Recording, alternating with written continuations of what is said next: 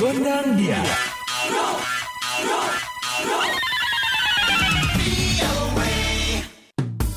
Halo halo sobat VOA, kembali hadir VOA Gondang Dia bersama Dewi Gemini. Dan Ronan DC pastinya dari VOA di Washington. Sobat VOA, kali ini ada obrolan lanjutan reporter VOA Dania Iman bersama Pratiwi Kusuma Wardani, ahli satelit yang bekerja sebagai Spacecraft Flight Dynamic Engineer atau Orbit Analyst di Indonesia. Yang terpilih untuk mengikuti International Visitor Leadership Program Hidden No More di Amerika. Yaitu program yang bertujuan untuk memberdayakan perempuan yang sudah berkontribusi di bidang STEM atau Science, Technology, Engineering, dan Mathematics. Lebih lengkapnya, yuk kita simak obrolan berikut ini.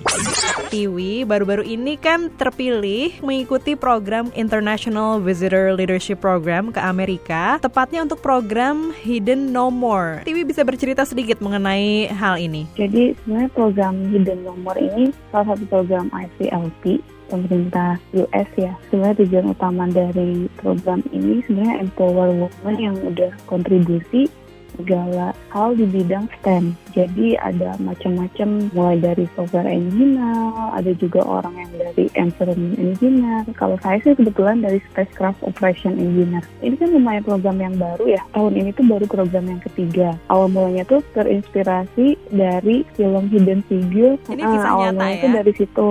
Tiwi kelahiran tahun berapa nih? 93. Awalnya kemarin saya pikir ICLP Hidden Number ini seusia saya semua ya. Ternyata saya termasuk tiga orang paling muda di acara yang, yang kemarin ini. Profesi Tiwi saat ini apa nih? Sebagai Spacecraft Flight Dynamic Engineer atau Orbit Analyst di Bank Rakyat Indonesia. Jadi sebenarnya BRI ini punya satelit yang kita sebut BRISAT, sudah beroperasi dari 2016 dan sekarang saya sebagai salah satu engineer di BRISAT ini. Tapi selain itu juga saya ada kegiatan mulai build startup namanya Space ID. Ya, goal utamanya adalah buat spacecraft awareness di Indonesia yang tujuan akhirnya keinginannya adalah buat Space Education Center sama konsultan di Indonesia gitu. Kalau bisa kilas balik juga, Tiwi dulu kuliahnya itu di ITB ya, di Bandung jurusan Aerospace, begitu ya? Iya, uh-uh. jadi sebenarnya S1 saya tuh ambil astronomi. Mhm. Cuman dari S1 ini kan kayak udah mulai explore-explore lah yang namanya space kayak gimana kan. Iya. Nah, pas tingkat akhir udah mulai kayak mau TA gitu, udah kayak jadi sempat ikutan winter school apa segala macem gitu. Kok kayaknya lebih cenderung interestnya itu ke engineeringnya gitu. Kalau astronomi kan lebih ke science-nya ya. Iya. Ke space tapi science-nya. Nah, terus pas udah tingkat akhir udah kayak lebih tertarik untuk ke engineeringnya. Cuman kan karena emang kuliahnya udah di science, ya mau nggak mau harus tuntasin dulu kan. Sempat kepikiran buat join collaboration research sama eh, di aerospace juga Iya. ambil kuliahnya juga. Cuman kebetulan saat itu dosen di undergrad-nya ada proyekan yang di mana akhirnya ambilnya nggak engineering part-nya.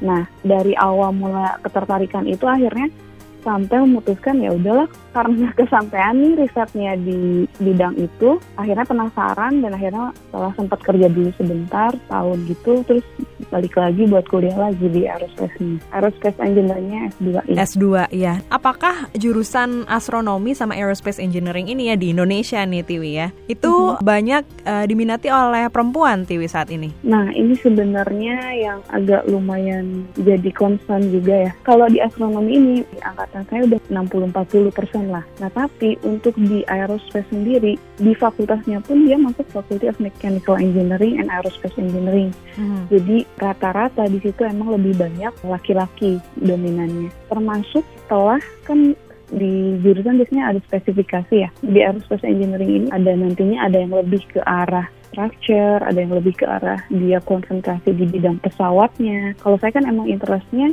di bidang uh, space-nya ya, yang di satelit, roket dan sebagainya. Nah, untuk yang spesifikasi benar-benar sama persis itu jarang banget perempuan. Bahkan karena di Indonesia ini space belum sehit itu, ketika saya ambil master ini, yang ambil master spesifikasi sama persis cuma seorang saat itu. Lebih banyak orang yang ambil ke arah aircraft, eh, pesawat, karena mungkin di Indonesia industrinya lebih dikenal gitu ya. Iya, Kayak iya. gitu sih. Termasuk perempuan pastinya lebih jarang lagi. gitu. Iya. Jadi Tiwi satu-satunya waktu itu ambil S2 di jurusan itu.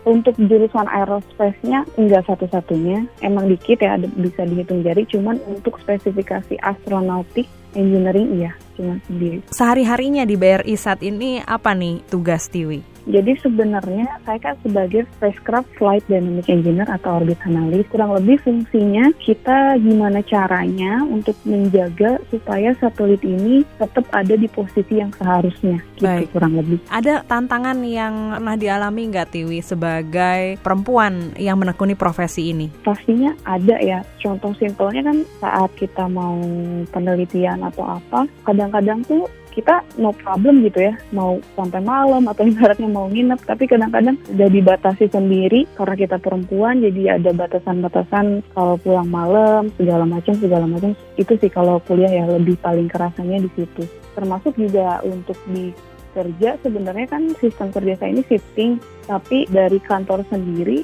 kalau bisa tidak mengambil shift malam gitu. Nah kadang-kadang hal itu yang membuat kita merasa tidak enak dengan partner kerja kita gitu. Padahal sebenarnya kita no problem gitu untuk hal-hal kayak gitu. Baiklah Sobat VOA, semoga obrolan kali ini bermanfaat ya. Kita pamit. You dadah, bye-bye.